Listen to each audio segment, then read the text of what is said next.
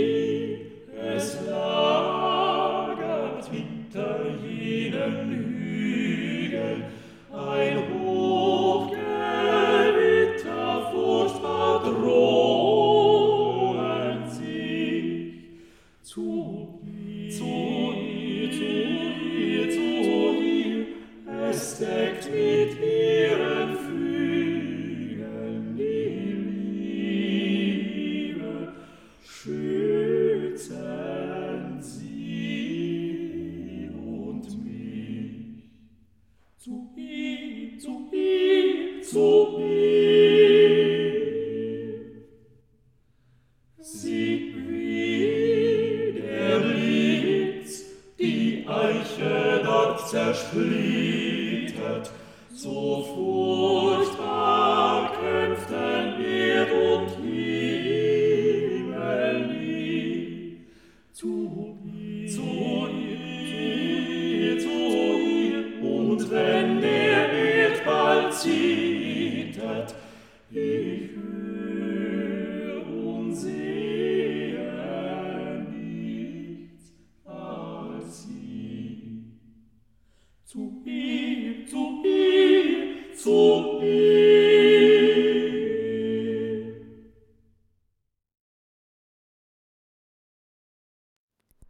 Komiði sæl. Singfónikar söngflokkurinn flutti hér á undan lægið Tsu-ír, Tsu-ír eftir Mikael Haydn. Tekstinn er ástarljóð eftir Brandstetter sem hefst á orðunum til hennar, til hennar. Jóhann Mikael Haydn var bróðir hins fræga tónskálds Jósefs Haydns. Hann var fimm árum yngri en Jósef, fættur 1737 og lést 1806. Mikael var virt tónskáld á sínum tíma þó að nafn bróður hans sé nú mun þekktara. Þar sem eldri bróðurinn Jósef hafði góða sönghæfileika var hann á barsaldri tekinn inn í kór Stefánskirkjunar í Vín sem Georg Reuter stjórnaði. Reuter var svo hrifin af tónlistarhæfileikum Jósefs að hann sagði við föður hans Þótt ég rættuð tólf sinni skildi ég kenna þeim öllum. Þetta var kostabóð og Mikael var því einnig tekinn inn í kórin og síðar þriðji bróðurinn Jóhann. Mikael þótti mjög efnilegur og hafði ekki síðri söngrönd en Jósef. Hann söngi kórnum til 15 ára aldurs en þá fór hann í mútur. En námið í kórskólanum var góð undirstaða fyrir tónlistarstöður og árið 1862, þegar Mikael var 25 ára gammal, var þann konsertmeistari í Salzburg. Þar starfaði hann í 43 ár og samti margvísleg tónverk, bæði trúarleg og veraldleg. Salzburg var heimabær Mozarts og Mikael vann eins og Mozart fyrir erkibiskupin sem jafnframt var fyrsti. Raunar var Mozart aðeins sex ára þegar Mikael hóf störf sín í Salzburg en þegar hann óks úr grasi kynntust þeir og Mozart hafði mikið álit á tónsmíðum Mikaels Haydns. Það leiti til merkilegs miskilnings í tónlistarsögunni.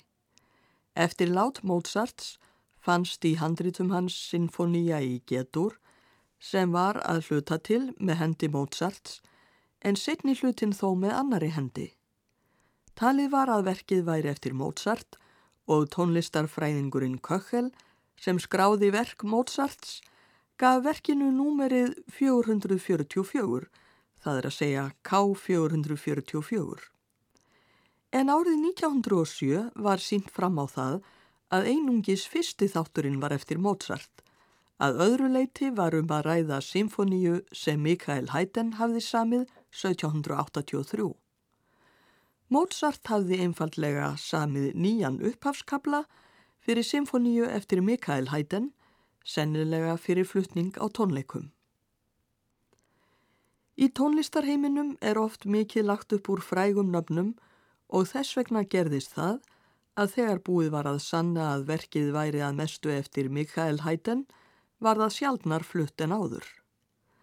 Að sjálfsögðu var symfónían ekkert verri fyrir það þótt hún væri ekki eftir Mozart en mannum fannst Mozart eftir sóknarverðara nafn á tónleikaskrá en Mikael Haydn. Við skulum nú hlýða á þessa merku symfóníu í gerð Mozarts en það þýðir að fyrst heyrum við hinn hæga og hátíðlega upphafskabla sem Mozart samti fyrir verkið Adagio Maestoso. Þá kemur tónlist Mikaels Haydens, fyrst kabli á göngurraða, Andante Sostenuto og þá mjög hraður lokakabli Allegro Molto. Hljómsveit for tónlistar Akademíunar leikur, stjórnandi er Kristófur Hogwood.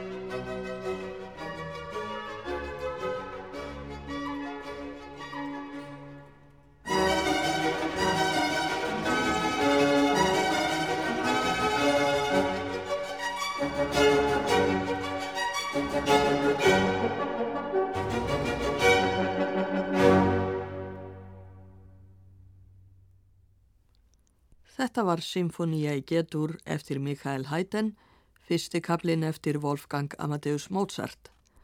Hljómsveit Forn tónlistarakademíunar, Academy of Ancient Music, leik. Stjórnandi var Kristoffer Hoggwood sem einnig leik á sembal og konsertmeistari Jab Schröder. Sumir tónlistarmenn fyrir tíma mátu Mikael Haydn ekki minna en Jósef bróður hans. Eitt þeirra var Frans Schubert sem gerði sér ferðað gröf Mikaels Haydns til þess að votta honum virðingu sína. Við heyrum næst kvartett í sétur eftir Mikael Haydn. Verkið er samið í Salzburg 1790. Það eru hljóðfæraleikarar úr sveitinni Piccolo Concerto Vín sem leika. Daniel Sepek leikur á fyrlu, Pierluigi Fabretti leikur á ennst horn, Kristín von der Goltz leikur á smáselló, svo kallað piccolo-selló og Roberto Sensi á kontrabassa. Þættirnir eru þrýr, hinn fyrsta á að leika hratt og fjörlega, allegro conspirito, þá kemur hægurkabli, adagio og loks mjög hratt rondo, presto.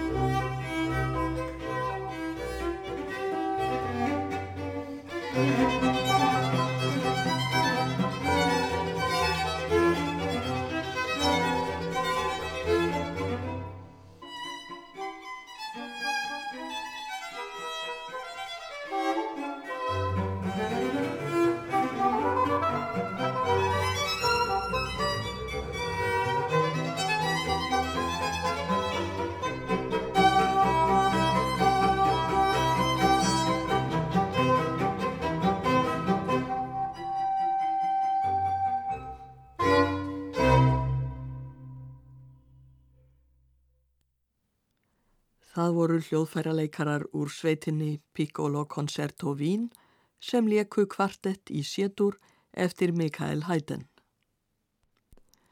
Í kringum 1788 fór Mikael Haydn að semja söngva fyrir tríó, það er að segja prestin í Arnstorf og tvo aðstóðarpresta hans.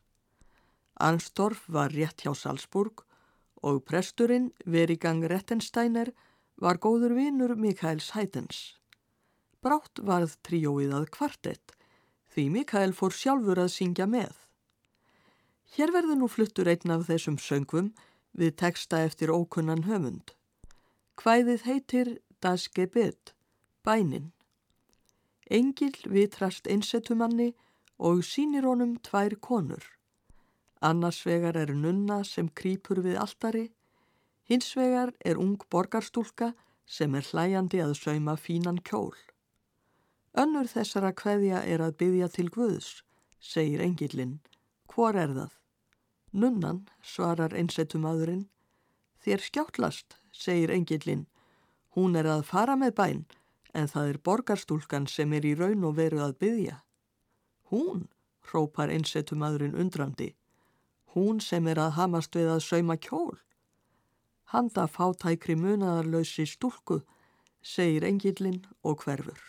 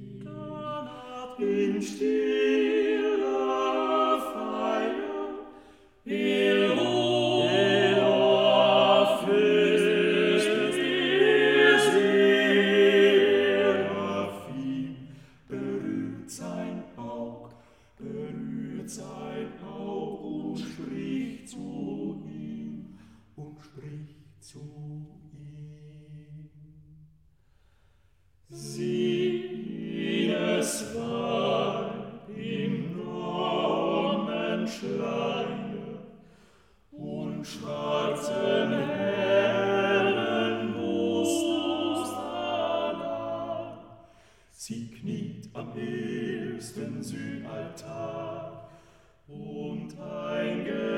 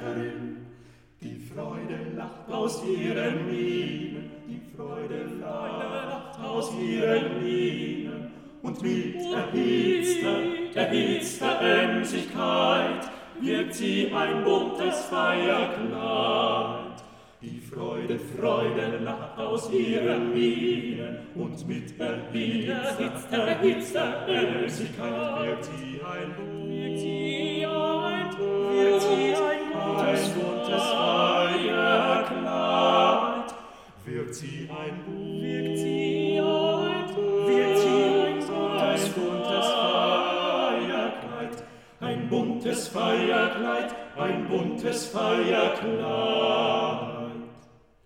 Sprich!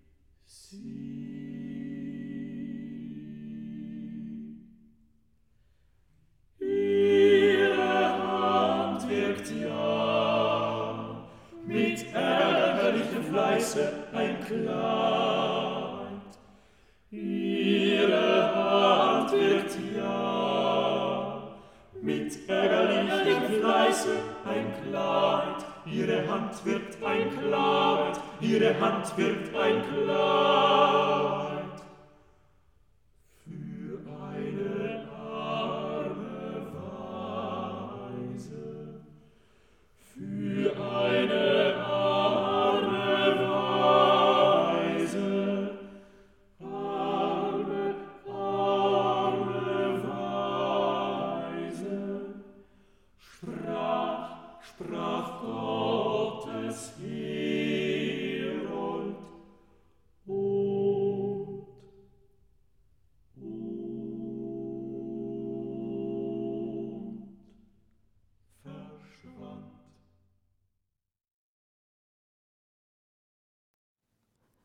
Singfónikerhópurinn söng lægið Das Gebet, bænin, eftir Mikael Hæten við ljóð eftir óþektan höfund.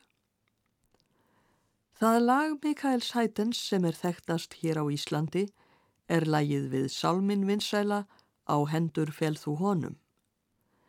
Þessi sálmur verður lokalægið hér í þættinum. Sálmurinn er í þýðingu eftir Séra Björn Halldórsson í Lauvási en hann er upphaflega eftir 17. aldar sálmaskáldið Pál Gerhardt og lægið eftir Mikael Hæten. Kammerkór Langholtskirkju syngur lægið í útsetningu eftir Þorkel Sigurbjörnsson, Jón Stefánsson stjórnar og Guðmundur Sigursson leikur á orgel. Einleikari á flautu er Hallfríður Ólafsdóttir. Ég þakka hlustandum samfélgina, verði sæl.